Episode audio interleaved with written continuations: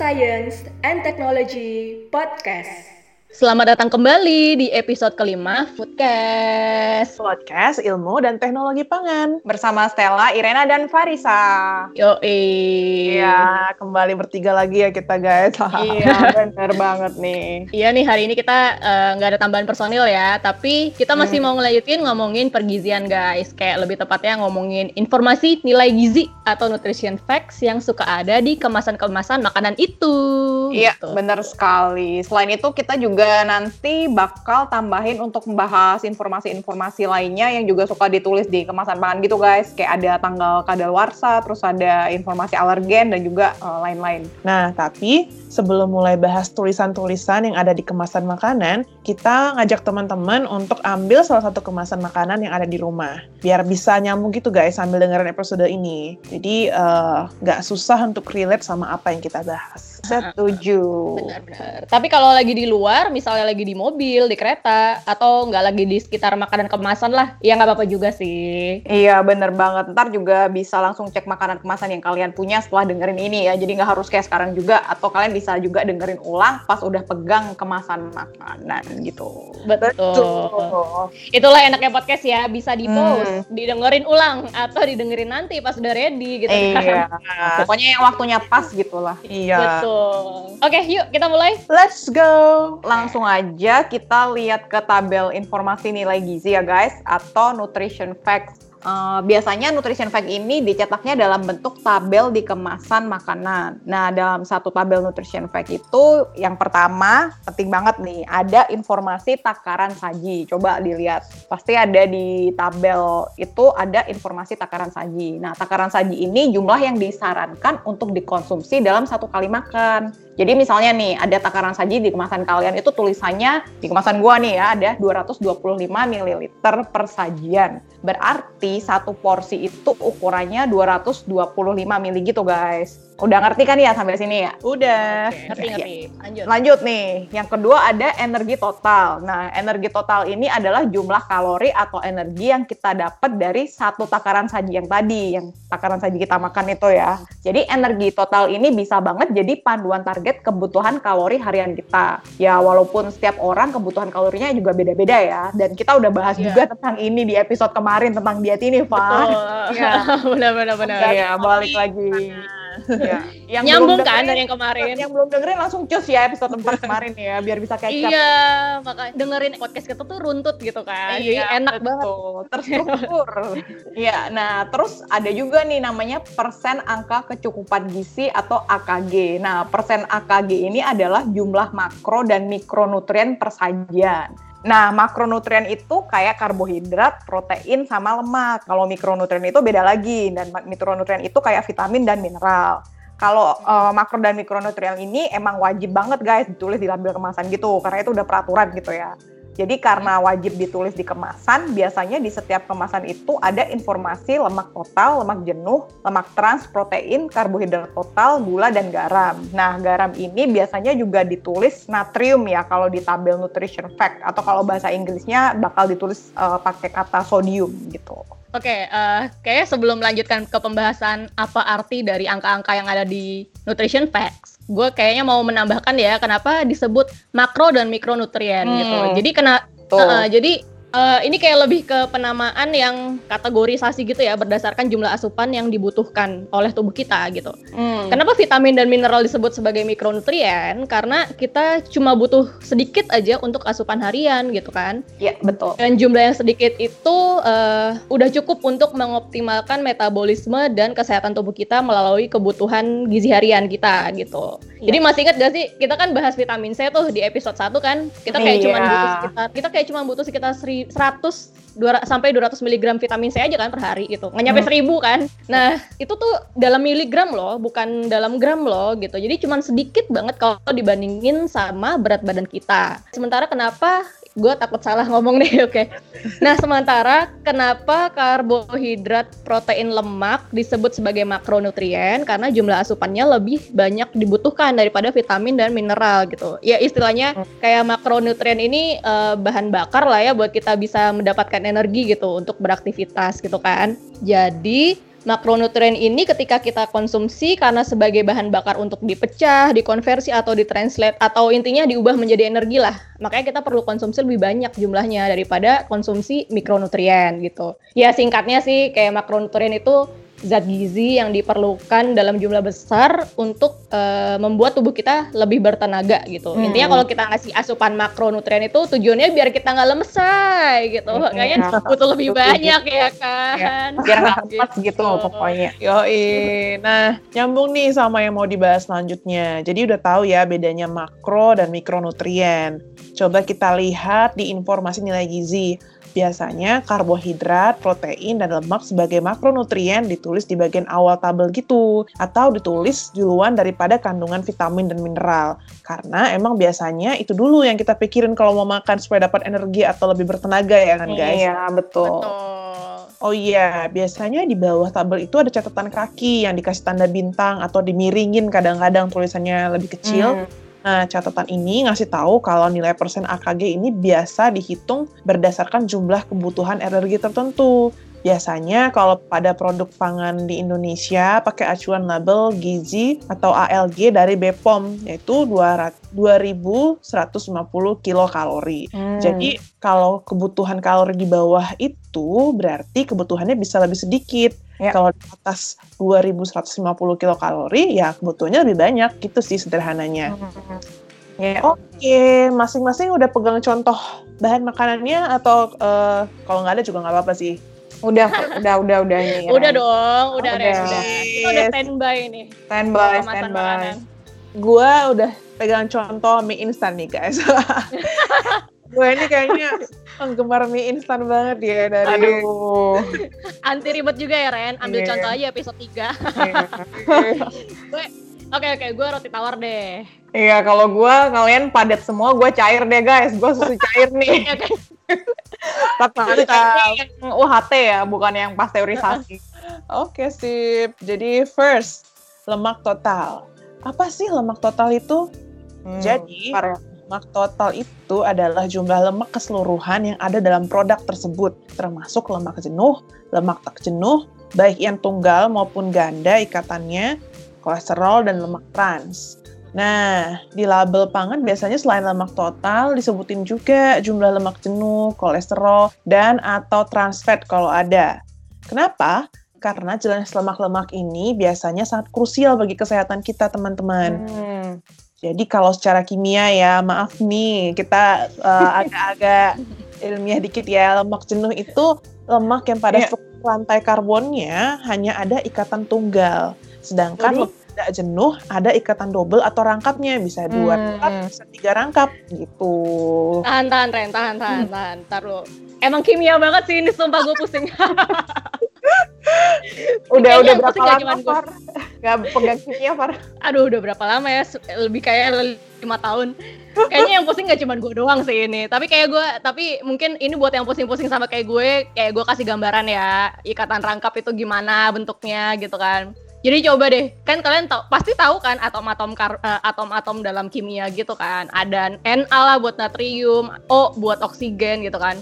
Nah, kalau karbon tadi kan rantai karbon nih. Jadi pakai atom C, karbon gitu kan. Jadi kalian bayangin ada dua C nih di depan kalian sejajar, terus di tengah-tengahnya tuh ada garis gitu. Nah itulah ikatannya gitu kan. Itu yeah. kayak kabel lah yang menghubungkan antara karbon-karbon itu ya kan. Kalau kabelnya cuma satu, ikatannya tunggal. Kalau karbon eh kalau uh, kabelnya dua, ikatannya ganda ya tadi ya. Yeah. Ikatannya double. Nah kalau tiga itu rangkap tiga itu. Itulah yang dimaksud dengan ikatan rangkap gitu. Ya udah biar nggak pusing. Itu nice. begitulah demikian. Dikasih harus dikasih gambaran kalau nggak orang pusing yeah. banget ya. Yo nice. Tapi oke okay, penjelasannya eh, ibu dokter Irena kalian harus perhatiin banget banget karena itu penting buat kesehatan kalian. Lanjut Ren. Uh, thank you Far. Nah yang punya ikatan rangkap tadi udah kan udah dapat gambaran dari Marisa kan? Ya ini lebih kita sukai karena membawa benefit bagi kesehatan. Sedangkan yang jenuh alias yang nggak punya ikatan rangkap yang cuma satu satu itu uh, kabelnya tadi kata Farisa kalau dikonsumsi ya kalau dikonsumsi dalam jumlah berlebihan dari kebutuhan tubuh bisa mengganggu sistem kesehatan, misalnya penyumbatan pembuluh darah yang bikin aliran darah tuh nggak lancar. Soalnya lemak jenuh ini bisa meningkatkan low density lipoprotein atau LDL. Bisa bahaya nih kalau begitu ceritanya, karena aliran oksigen bisa nggak ngalir ke seluruh jaringan dan organ-organ tubuh. Waduh, bahaya tuh. Hmm, Nah, kolesterol sendiri adalah lemak yang cuma ada di produk hewani atau yang pakai ingredient dari hewan. Jadi kalau bahan bakunya nabati atau dari tumbuhan, nggak ada ya guys kolesterolnya. Soalnya Hmm. sering banget nih, gue lihat ada di label atau iklan minyak goreng ya yang berasal dari uh, sawit gitu, klaimnya begitu. Ya benar sih. Tapi ya memang semua minyak nabati nggak mengandung kolesterol, bukan hanya produk Mm-mm. dari brand tertentu itu. Jadi em, di mie instan ini ya kayak punya yang gua pegang sekarang produknya ya nggak ada. Nah di produknya susu yang Stella pegang pasti ada karena berasal dari susu sapi produk hewani gitu. Iya, benar-benar benar. Terus kenapa sih kolesterol jadi perhatian di label pa- pangan sampai ditulis gitu terpisah di bawah total lemak? Soalnya kolesterol ini yang sering ikutan berkontribusi menyebabkan terjadinya penyumbatan pembuluh darah. Nah, Mm-mm. dalam jumlah berlebihan, dia malah berikatan dengan LDL yang tadi kita sebutin dan dapat menyebabkan Hmm. plak pada pembuluh darah. Dan plak Hmm. ini yang tadi gue bilang bisa menyumbat pembuluh darah. Istilah medisnya Mm-mm. atherosclerosis gitu. Iya. Jadi eh, kalau di mie instan gue nih ya guys, eh, jadi contohnya di sini tulis lemak totalnya 14 gram dengan persen AKG 21 persen, kolesterol 0 mg, 0 persen AKG-nya, dan lemak jenuh 7 gram dengan persen AKG 21 persen. Artinya nih, kalau kita konsumsi satu bungkus mie instan, eh, ini kita sudah artinya kita sudah mengkonsumsi 14 gram lemak di mana sudah memenuhi 21% dari total kebutuhan harian kita. Dan di antaranya terdiri dari 7 gram lemak jenuh yang sudah memenuhi 21% total kebutuhan harian kita. Betul banget kata Irena. Nah, kalau di susu UHT yang gue jadiin contoh ini, yang gue pegang ini, ada kolesterolnya guys. Karena tadi ya kayak Hmm. dibilang Irena, ini produk hewani, jadi ada kolesterolnya. Di sini ditulisnya 15 mg. Nah, 15 mg ini persen AKG-nya itu 6%. Artinya ketika gua minum ini susu 225 ml ini berarti gua sudah mengkonsumsi 15 mg kolesterol di mana itu angka sudah memenuhi 6% dari kebutuhan kolesterol harian gua. Nah, gitu guys. Kalau lo gimana, Far? Kalau kalau gue, gue kan roti tawar ya, Eh, nggak ada Iya, sih, iya. nggak ada sih. Kolesterolnya 0% sih, Eh, adanya lemak jenuh 2 gram, eh, AKG persen AKG-nya 11%, terus lemak total sih udah pasti ya ada ya. Kalau di gue sih 3,5 gram nih, AKG-nya 5% gitu. Oke, ya jadi walaupun 0 gram atau 0% A- AKG gitu, biasanya tetap ditulis karena ada kaitannya sama lemak total. Dan ini Hmm. tadi eh, krusial kan ya kolesterol ini dalam pangan nggak boleh lebih bahaya gitu kalau sering-sering lebih. Iya. Kayak yang sudah Mm-mm. kita jelasin tadi, eh, kolesterol ini merupakan bagian dari lemak total. By the Hmm. way, eh, ngomong-ngomong kolesterol nih, kan sering dibully ya sebagai lemak jahat gitu. Hmm. Iya, kasihan kolesterol ya, dibully Oh. lagi. Tapi sebenarnya ya eh, untuk informasi nih, kolesterol sebenarnya ada secara alami dalam tubuh kita dan tubuh kita Oke. membutuhkan kolesterol. Tapi memang dalam jumlah yang sangat kecil, makanya ada persen AKG-nya juga cenderung kecil gitu kan. Mhm. Kolesterol ini dalam jumlahnya yang tepat berguna sebagai prekursor sintesis vitamin D dan berbagai Hmm, hormon termasuk hormon progesteron, estrogen, dan testosteron ya. Jadi artinya kolesterol nggak selalu jelek ya guys. Lagi-lagi memang jumlah yang menentukan. Eh, eh, Ren, prekursor sintetis vitamin D apaan, Ren? Maaf ya, Oh ya, oh ya. Bahasa sederhananya nih ya, itu uh, prekursor apa-apa. bahan baku yang berpartisipasi, yang ikut gitu bahan baku untuk menghasilkan vitamin D sebagai produk akhir gitu sih. Sorry ya, Oke, gue oke. istilahnya kurang membumi. Nggak apa-apa, Ibu Dokter, saya maklum kok. Astaga. Oke, oke.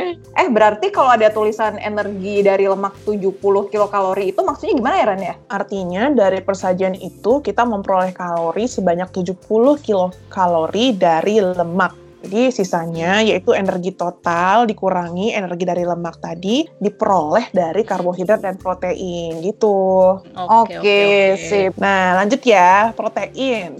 Kalau gua ini 8 gram, 3 persen, 13 persen AKG. Hmm, punya gue 7 gram, 12 persen AKG. Kalau punya gue juga 7 gram tapi 11 persen AKG. Nah, sama-sama 7 Oh. gram tapi beda persen ya, Far, kita. Iya. Karena kayaknya takaran saji kita juga beda ya produknya ini. iya sih. Kan gue roti, lo susu UHT. Iya. Beda pasti kayaknya.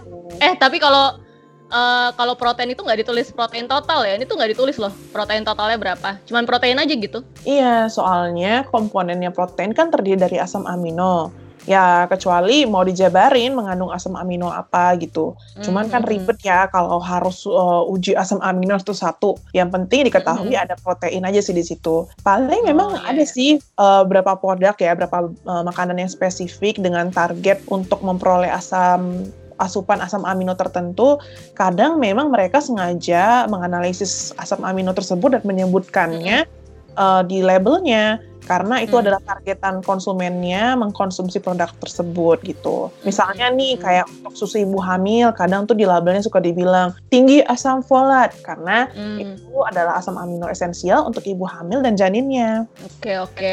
Eh, gue juga pernah lihat sih yang asam aminonya itu dijabarin gitu di label kemasannya gitu, detail banget. Tapi itu protein powder drink gitu sih ya, emang spesifik khusus protein dan klaimnya high protein gitu.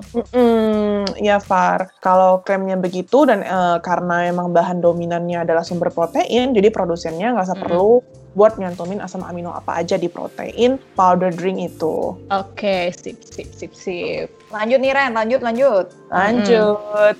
Karbohidrat total 54 gram, 17% AKG. Di kalian ada nggak? Ada dong, kalau di gue eh, 36 gram, 11% AKG. Kalau punya gue 12 gram 4% AKG. Nah, punya gue nih paling tinggi, 54 gram. Iya dong. Mie instan gak ada yang lawan. Gak ada yang lawan, maksudnya kalau disodorin mie instan pasti pada mau ya kan. Laper. Iya. Aromanya gitu loh. Bener. Punya gue kalah nih, Far. Cuman 4% guys. Soalnya cuman Aduh, susu nih. sedih. Ini kita kayak lomba gede-gedean persen AKG. Tapi ini bisa sekaligus ngasih tahu loh, kayak ketika kalian mau milih makanan, kalau mau dapat asupan karbo bisa dari mie instan gitu kan, roti tawar kayak contoh gue sama Irena ini gitu kan. Tapi kalau kalian pengen dapat asupan karbo yang cukup dengan minum susu cair kayak contoh Stella, ya mohon maaf, salah alamat. Iya sih, kalau mau dapet karbo tapi minum susu cair ya, kalau gitu ceritanya lo harus minum berapa sajian atau berapa gelas susu supaya bisa memenuhi karbo itu ya, Far ya. Bisa-bisa kempung sih ya kalau lo harus minum kayak 10 liter gitu. Yo, ya bisa sih, bisa kembung ya kan. Eh, tapi kalau mau mendapatkan energi dari komponen protein dan lemak ya bisa-bisa aja sih ya gitu. Ya energi dari protein gitu kan. Mungkin lo lagi diet mayo atau apalah itu kemarin. Gue lupa maaf ya. oh ya keto ya. Ya ampun gue lupa mohon maaf gitu. Oke Ren lanjut. Selanjutnya ada serat pangan nih guys. Di mie instan gue ada 2 gram, jadi 4% AKG. Hmm, di roti tawar 2 gram juga sih tapi AKG-nya persen AKG-nya 8%. Hmm, kalau di gua di susu nggak ada guys. Hmm. Waduh, kenapa nggak ada? Kok nggak Iya. ada? Jadi kalau di produk hewani termasuk susu memang secara alami nggak mengandung serat guys, kecuali Oh. ditambahkan secara sengaja dari serat asal tumbuhan. Makanya Hmm. jangan berharap banyak dari minum susu kalau lo pengen dapat asupan serat pangan yang cukup. Hmm. Tapi harus tetap makan sayur, buah, dan sumber pangan eh, serat dari nabati lainnya ya guys. Oke, setuju setuju. Nah kalau ini gimana nih? Gula 2 gram, tapi nggak ada persen AKG-nya tuh. Kenapa tuh? Nah, nih guys, lagi-lagi di tempat gua nih guys, Kenapa? susu gua nih. Punya gua nggak ada Kenapa? info gula di nutrition fact-nya dong. iya serius. Mantul. Tanpa tambahan gula ya, Stel. Yoi. Gimana nih, Ren? Ya, ya, gula ya. Coba kita lihat label masing-masing yang ada gula di informasi nilai gizinya. Jadi, Mm. gula sebenarnya adalah karbohidrat juga. Uh, salah satu Mm, jenis karbohidrat dengan bentuknya secara kimia paling sederhana. Kita sering sebut itu monosakarida, disakarida gitu kalau secara kimia. Mm-mm. Makanya diletakkan di bawah kategori karbohidrat total. Nah, Iya. gula ini gula yang sederhana ini adalah jenis karbohidrat yang paling mudah dicerna dan diubah menjadi energi oleh enzim-enzim dalam tubuh kita karena itu tadi Hmm. strukturnya sederhana. Iya. Mie instan yang gue pegang ini misalnya punya karbohidrat total 54 gram, di antaranya merupakan 8 gram gula. Di sini Hmm. juga ada ditulis serat sebanyak 2 gram. Serat Mm-mm. merupakan karbohidrat juga guys. Jadi Hmm. Kebalikannya gula nih, serat ini justru sulit dicerna, bahkan nggak bisa dicerna oleh enzim pencernaan manusia. Lah. Hmm. gimana tuh nggak bisa dicerna? Bahaya nggak? Nah, enggak ya guys. Eh, di sini justru serat kita butuhkan dalam tubuh. Serat ini menjadi makanan bagi mikroba baik dalam saluran pencerna kita. Istilahnya prebiotik tuh populernya. Jadi kalau lihat Yes. di label pre- sumber prebiotik berarti itu seratnya tinggi. Yang berperan, eh, prebiotiknya berperan menjaga kesehatan saluran pencernaan. Hmm. Justru refining sugar atau gula murni tambahan yang sebenarnya yang kita nggak butuhkan dalam konteks konsumsi harian ya. Hmm. Nah, sebenarnya karbohidrat kompleks misalnya dalam bentuk tepung, gandum, mie instan yang gua mau makan nanti ini bisa Mhm. dipecah jadi gula sederhana dalam tubuh dan dikonvert jadi energi jika dibutuhkan. Makanya gula dalam informasi nilai gizi tidak memiliki persen AKG, tapi tetap ditampilin Hmm. jumlahnya dalam satuan berat Hmm. Karena konsumsi gula berlebihan sangat berkorelasi dengan berbagai penyakit kronis. Jadi perlu Oke. diperhatikan. Betul oke, banget. Dan kalau di susu itu ada gula namanya laktosa ya. Dan laktosa di Iya. susu itu juga termasuk kategori eh, yang tadi kayak disebutin Irena ya. Ada gula yang paling sederhana, Iya, monosakarida. gula sederhana. Jadi susu cair yang gua punya ini bukan nggak mengandung gula ya sebenarnya. Ada gulanya Mm-mm. tapi jenisnya laktosa itu tadi. Dan Iya. Uh, mungkin gula yang di mie instan sama roti itu maksudnya jenis gula sukrosa atau fruktosa itu ya. Jadi kayak monosakarida gulanya kan ada beda-beda gitu ya. Jadi jenis monosakarida yang di mie instan sama roti beda sama yang di susu gitu. Iya. Terus kayak karena contoh punya gua susu yang plain juga nih ya, nggak ada tambahan Mm-mm. perisa apa pun kayak coklat, stroberi ataupun yang lainnya. Jadi memang nggak perlu tambahan gula supaya ini rasanya manis ya. Jadi udah gitu aja Iya. plain. Mm, betul. Jadi gula itu jenisnya banyak guys. Ntar kita bahas ya tentang gula di episode lainnya. Makin banyak aja ya PR kita ya. Iya, PR lagi nih buat kita Far. PR liburan. Next kita bahas yang di label kemasannya Stella ada juga deh. Kayak kandungan garam atau natrium. Pasti ada kan Stel. Ada dong, nih di tempat gua ada 100 mg atau 7% dari AKG. Nah, Ih, Bingung sih kalau gue sampai nggak ada. Jadi gue belum pernah sih nemuin nutrition facts yang nggak nyantumin jumlah natrium. Sama sih, gue juga nggak pernah lihat tuh yang nggak ada natriumnya. Eh di gue juga ada nih 290 mg 19% AKG. Kalau mie instan berapa Ren? Pasti tinggi nih natriumnya. Ada dong, 1070 Berapa? mg, 71 persen AKG. Gila Gokil itu, sih, udah. banget. 1070 tuh udah 1 gram loh. Yoi, satu gram lebih. Jadi ini sebenarnya udah sempat kita bahas ya di episode 3. Jadi berarti kalau 71% AKG, artinya dalam satu hari kalau gue makan sebungkus mie instan ini, eh, asupan natrium gue udah terpenuhi sebanyak 71%. Jadi 29%-nya gue bisa dapat dari makanan-makanan lain. Artinya ya, eh, gue hari itu kalau gue pri- pribadi nggak akan makan makanan yang cenderung tinggi kandungan natriumnya supaya jangan melewati 100% kebutuhan gizi gue. Jadi eh, sebenarnya natrium juga secara alami pun ada di bahan-bahan makanan nabati maupun hewani. Tapi dalam makanan olahan kayak mie instan memang biasanya lebih tinggi, nggak hanya masalah untuk rasa aja, tapi ada fungsi-fungsi lainnya, di mana kita akan bahas dua minggu lagi. Hmm. Oke, baik. Nah, tapi jadi kenapa nih natrium satuannya ditulis miligram dan bukan gram kayak yang lain? Eh, karena itu sih kebutuhannya juga kecil kan, termasuk dalam Hmm. mikronutrien, eh, adinya juga kecil. Oke, oke. Kalau dalam gram sepertinya bisa memudahkan salah baca ya, seolah-olah kecil banget. Iya. Nah, menurut Mm. gue sih lebih gampang eh, ditulis dalam miligram. Mhm. I see. Terus guys, kalau di tempat gua nih ya, di nutrition fact-nya ini, si susu OHT di tempat ini- lo. tempat gua ini maksudnya. Saat Iya, iya. Terpisah jarak nih kita. Gimana gimana? Gue lagi staring at my susu OHT nih ya. Uh-huh. Ada Iya. calcium 370 mg, which is 8% dari AKG. Kayaknya di label kalian nggak ada ya ini ya? Atau ada? Nggak ada sih. Kalau di roti tawar gue nggak ada. Habis natrium, terus langsung vitamin-vitamin dan mineralnya gitu. Iya.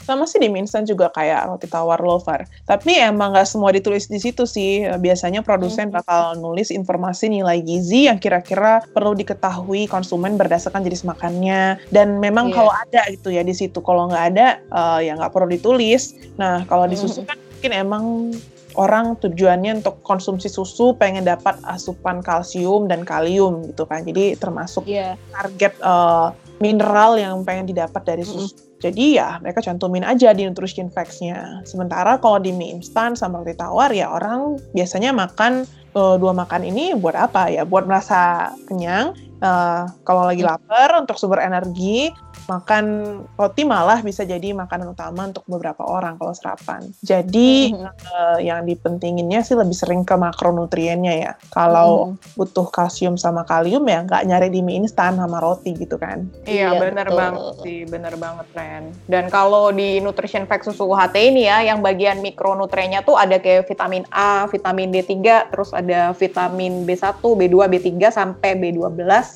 Terus ada juga kalsium, fosfor, magnesium, yodium, zinc sama selenium ya. Banyak banget nih. Oh, banyak juga ya. Di gue cuma ada vitamin B1, B2, B12, sama zinc. Iyo, di mie instan juga lumayan banyak sih mikronya. Ada vitamin A, vitamin B1, B6, B12, niacin, asam folat, asam pantotenat, sama zat besi. Tapi ya nggak sebanyak susu sih, haha. Eh, tapi ini kenapa ya cuman persennya aja gitu? Kayak nggak ada jumlah dalam gram atau miligram. Nah, pertanyaan lo pas banget nih, Far. Jadi gue nih baru Kenapa? baca, baru baca banget nih tadi peraturan BPOM tentang informasi nilai gizi pada label pangan olahan. Nah, kalau buat Wih. vitamin dan mineral itu emang ketentuannya ya begitu, cuman dicantumin persen AKG aja. Jadi kayak berapa Mm-mm. miligramnya emang nggak usah dicantumin. Emang aturannya begitu sih. Oke, pantesan lo semangat banget ya baru baca. iya bener. Oh gitu ya. Emang ada peraturan ya ternyata ya. Harus lebih sering baca peraturan BPO nih kayak gue. gue juga. iya nih Ren, bener sih. Tapi kalau ini ya, kalian yang ngedengerin ada yang mau baca-baca peraturan, boleh DM ke kita loh, atau email ke kita. Ntar kita kasih PDF-nya gitu. Mantul. Jadi kayaknya kita masih eh, ini kayak kita masih punya waktu sedikit lagi ya. Stella tadi katanya mau bahas expiry date ya. Oh iya guys, bener banget. Itu penting Hmm. banget ya. Mumpung ini kita Hmm. juga lagi bahas label kemasan. Jadi gue mau nambahin informasi Hmm. sedikit aja tentang tanggal kadaluarsa atau expiry date yang suka ada di kemasan. Kayak kita kalau beli apa pun itu ya Hmm. makanan pasti ada kan tanggal itu. Jadi tanggal Iya. kadaluarsa ini adalah tanggal yang menjadi batas akhir produk dalam hal keamanan dan atau kualitas ya. Jadi manfaatnya tahu expiry date ini eh, gede banget sih supaya kita bisa terhindar dari kayak keracunan makanan atau food poisoning itu ya. Eh, jadi kita bisa dengan lihat di la- eh, label kemasan pangan dan tahu expiry date itu kita bisa menghindari risiko itu. Terus kita juga bisa mengurangi food waste juga. Karena kan kalau udah Iya. basi pasti makanannya kita buang ya. Makanya biasanya kita akan makan sebelum expired. Jadinya kita kayak Yes. bisa ngatur penyimpanan makanan gitu di rumah pakai prinsip FIFO yaitu first in atau first out ya FIFO ya. Vivo, F I F O. Ya betul. Eh, jadi yang kita beli duluan atau mana yang umur simpannya lebih pendek itu yang dihabisin duluan gitu ya. Ya kira-kira gitu sih konsepnya bener. Oke, Stel lanjut. Nah, di kemasan itu cara si produsen nulis tanggal kadaluarsa sebenarnya bisa beda-beda gitu, guys. Jadi yang pertama nih, yang pertama ada best before atau baik digunakan sebelum. Kalian kalau Hmm. misalnya nemu kayak gitu ya di label kemasan kalian best before atau baik digunakan sebelum itu, jadi ini ditulis artinya batas akhir mutu terbaik sesuai yang dijanjiin sama produsen ke konsumen itu. Oh, misalnya nih ya, ada tulisan best before tanggal 1 Desember. Terus sekarang kan tanggal 11 Desember tuh, udah lewat ya berarti. Nah, pertanyaannya adalah boleh nggak sih kita konsumsi makanan ini kalau tulisannya best before tanggal tadi itu ya? Ya, jawabannya adalah sebenarnya masih boleh dikonsumsi, tapi kualitasnya udah menurun gitu, guys. Jadi kualitas kualitas itu ya misalnya kayak rasanya berubah. Contoh gampangnya adalah kalau kita beli keripik terus ada tulisan itu, ya mungkin udah nggak renyah lagi atau udah agak tengah gitu. Mm-mm. Atau Mm, mm. eh, case lain kalau misalnya minuman tinggi vitamin C yang ditulis 1000 mg, kalau udah lewat best before itu bisa aja vitamin C-nya tinggal 700 mg. Ya, Hmm. semacam itulah intinya analoginya. Mm-mm.